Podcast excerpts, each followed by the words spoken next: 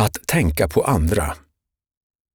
Om du går ut i livet med en tro på att du kan förändra andra, då har du en hel del att göra. Vi tror att de flesta människor vid något tillfälle har försökt att få en annan person att ändra sig på någon punkt.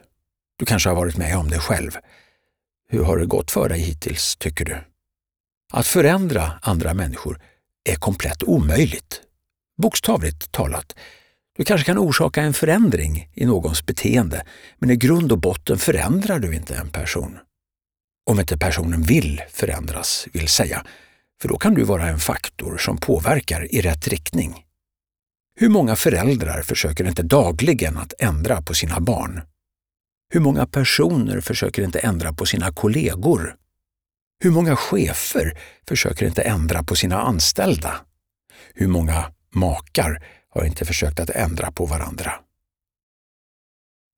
Det finns en sak du kan förändra och det är din inställning och attityd till den person som du väldigt gärna skulle vilja förändra.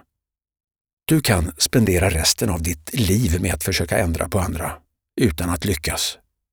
Så det är bäst att du redan nu förlikar dig med att just den här personen är på det här sättet och det får du acceptera. Du behöver inte alls ställa dig frågan varför. Istället för att du ska springa runt och ställa den frågan varje gång du möter en person som har ett beteende eller ett karaktärsdrag du inte tycker om, kan du istället välja att notera det och sedan gå vidare. Jaha, så där gjorde han. Intressant. Eller, vilket ovanligt perspektiv hon hade på saker. Det hade varit kul att lyssna mer på hur hon tänker. När man pratar om förändring så är de flesta överens om att förändringen kommer inifrån. Sen var det där inifrån kommer någonstans ifrån, det är inte alla överens om. Och beroende på vem du lyssnar på så kommer du få olika svar om denna inre drivkraft. Oavsett vilket så är faktum att du tillbringar alla dygnets timmar tillsammans med dig själv. Det betyder att den person som du har störst möjlighet att förändra är just dig själv. Men varför ska jag förändra mig själv? Det är ju honom det är fel på, kanske du tänker. Men är det verkligen någon annans fel att du tänker och tycker på ett visst sätt? Är det inte du som tänker? Är det inte du som känner?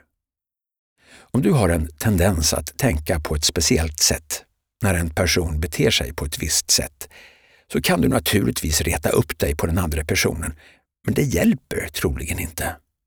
När samma situation uppstår igen så står du där med dina känslor och tankar och är frustrerad över en person som du inte kan förändra.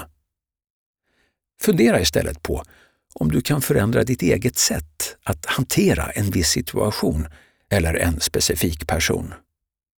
Kan du välja att tänka annorlunda? Kan du byta perspektiv och försöka se situationen ur den andra personens synvinkel? Det kanske inte är så att din fru är galen för att hon tar så lång tid på sig på morgonen.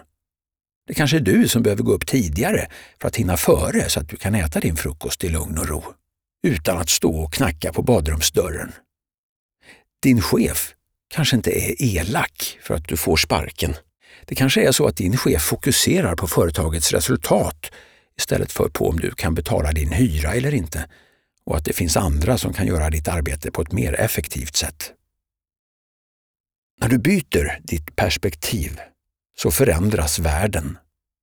Så börja med att ändra på dig själv och ditt perspektiv.